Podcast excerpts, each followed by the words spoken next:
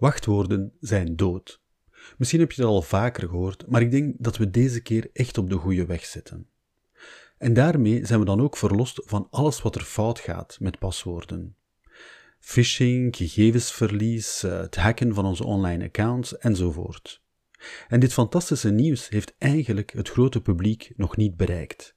En daarom dat het het onderwerp is van deze aflevering van onze podcast. Hallo allemaal, ik ben Danny. En eerlijk gezegd, dit is de eerste keer dat ik denk dat het einde van het tijdperk van het wachtwoord echt in zicht is. En dat zullen we al beginnen zien vanaf 2023.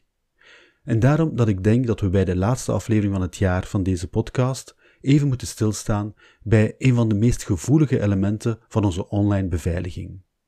Maar voordat we het over dit geweldige nieuws hebben, wil ik je eraan herinneren dat je ons kan beoordelen of een opmerking kan laten op sommige podcastplatformen zoals iTunes of Spotify.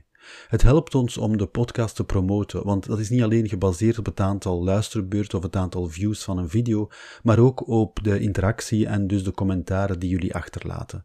Bedankt om ons te promoten, maar je helpt er niet alleen ons mee, maar ook andere mensen die de informatie dan zullen zien en zo kan iedereen zich beschermen tegen fraude. Bedankt. De naam die je vanaf nu moet onthouden is passkey. Je zal die term binnenkort vaker horen vallen. Maar voor ik je vertel hoe passkeys onze veiligheid op het internet drastisch zullen verbeteren, moet ik even teruggaan naar wachtwoorden, hoe ze werken en wat de risico's zijn die eraan verbonden zijn. Maak je geen zorgen, ik zal er geen lang verhaal van maken. Als je toch het hele verhaal wil horen, kan je teruggaan naar de oudere afleveringen van onze podcast. In het eerste seizoen hebben we er toen drie afleveringen aan gewijd. In de eerste aflevering van die drie gingen we toen heel diep in op de risico's van wachtwoorden. Je vindt dat makkelijk terug in je podcastapplicatie of op YouTube. Een wachtwoord is uiteindelijk niets meer of niets minder dan een reeks letters, cijfers en laat ons de speciale karakters niet vergeten, die samen een sleutel vormen die de deur opent van onze online accounts. En die sleutel wordt heel veilig verstuurd naar de website en wordt daar ook heel veilig bewaard. En elke keer als we het wachtwoord ingeven, vergelijkt die website dat met het wachtwoord dat hij opgeslagen heeft. Dat is allemaal heel gemakkelijk, heel efficiënt, maar ook zo gevaarlijk.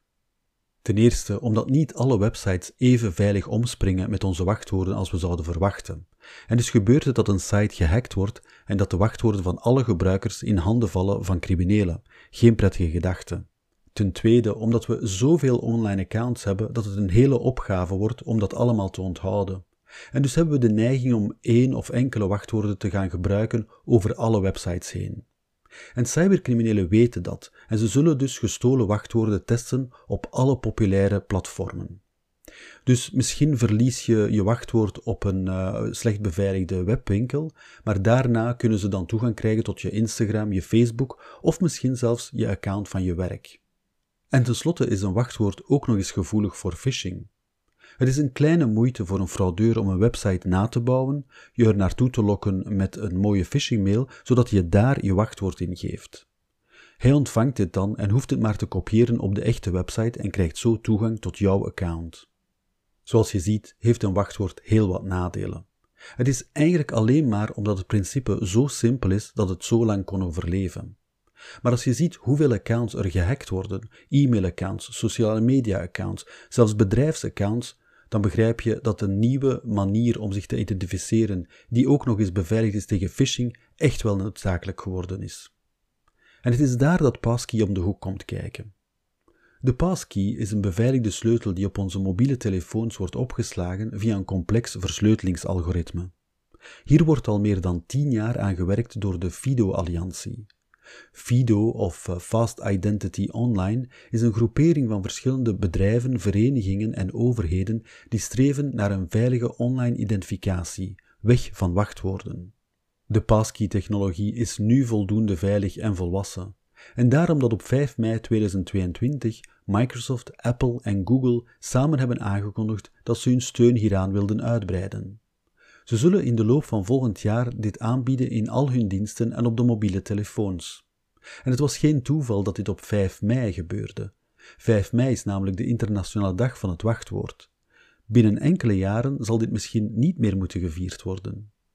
En hoewel een passkey aanmaken of gebruiken heel eenvoudig is, zal het toch alle gebreken van de wachtwoorden kunnen uitwissen. En nu denk je misschien, als het zo eenvoudig is, hoe kan het dan veilig zijn? Wel, dat is het wel. Ik zal het je uitleggen. Ten eerste wordt voor elke dienst of website waar je je moet identificeren een unieke passkey aangemaakt. En omdat passkeys nauw samenwerken met de wachtwoordbeheerders die al op onze mobiele telefoon staan, moeten we niks onthouden. Maar het gaat verder dan wat we al met onze wachtwoordbeheerders kunnen doen. Een passkey bestaat eigenlijk uit twee sleutels: een privésleutel en een publieke sleutel. De privésleutel wordt opgeslagen in de wachtwoordbeheerder van de telefoon. De publieke sleutel wordt opgeslagen door de website of de dienst waar je moet identificeren.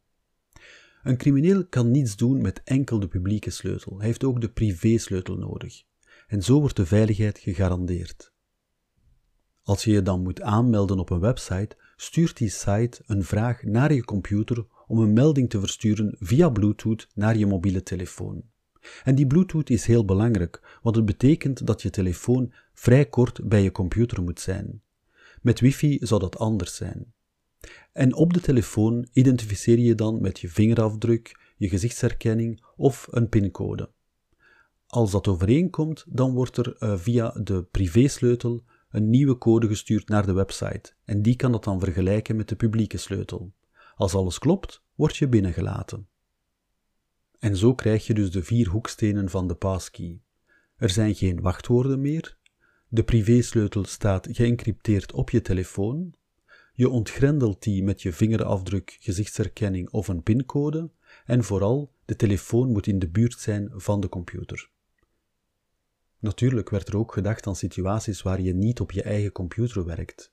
Je zal dan een QR-code kunnen scannen met je telefoon. En een andere dienst die ik zeker niet kan aanraden is dat je een privésleutel zal kunnen delen met een andere persoon, bijvoorbeeld je partner.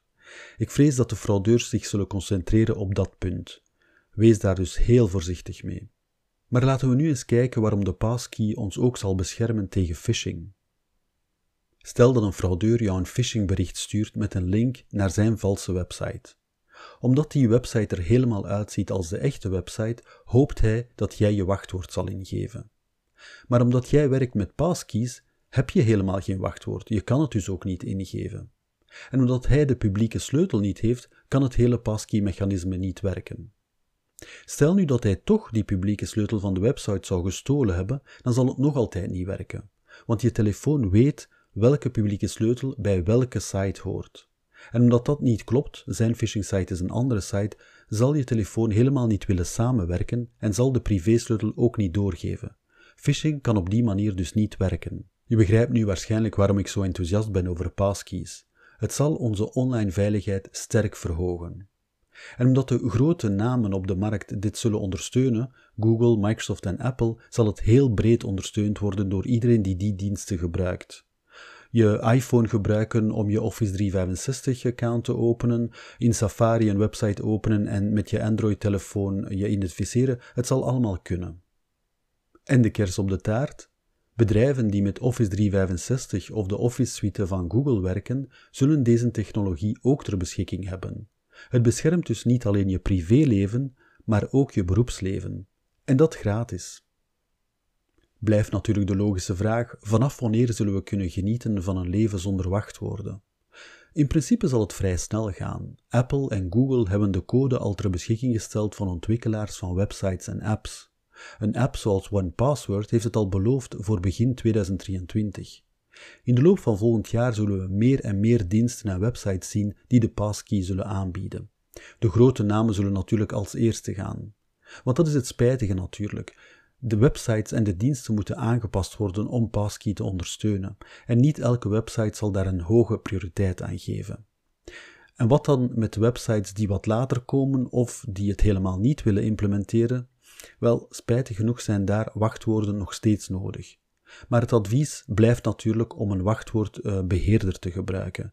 Die zit al ingebouwd in onze telefoon van Apple of Android en op de app stores vind je een hele keuze, dus het is aan jou om te zien welke je wil gebruiken. Maar als een website of een dienst op een dag de passkey aanbiedt, die dag weet ik dat ik zal overstappen en elke keer zal het één wachtwoord minder zijn. Nu weet je wat passkey is. Simpelweg de oplossing die we nodig hadden om ons online leven te beveiligen en ons te beschermen tegen phishing. Als je van deze aflevering genoten hebt en je denkt dat andere mensen ook moeten weten wat passkeys zijn, aarzel dan niet om ze te verwijzen naar onze podcast of naar deze aflevering. Alle podcastplatformen en YouTube laten toe om één aflevering gemakkelijk te delen met je vrienden of familie. Ik wens je nog een prettige dag en tot de volgende aflevering van je podcast De fraudeur, de hacker en jij.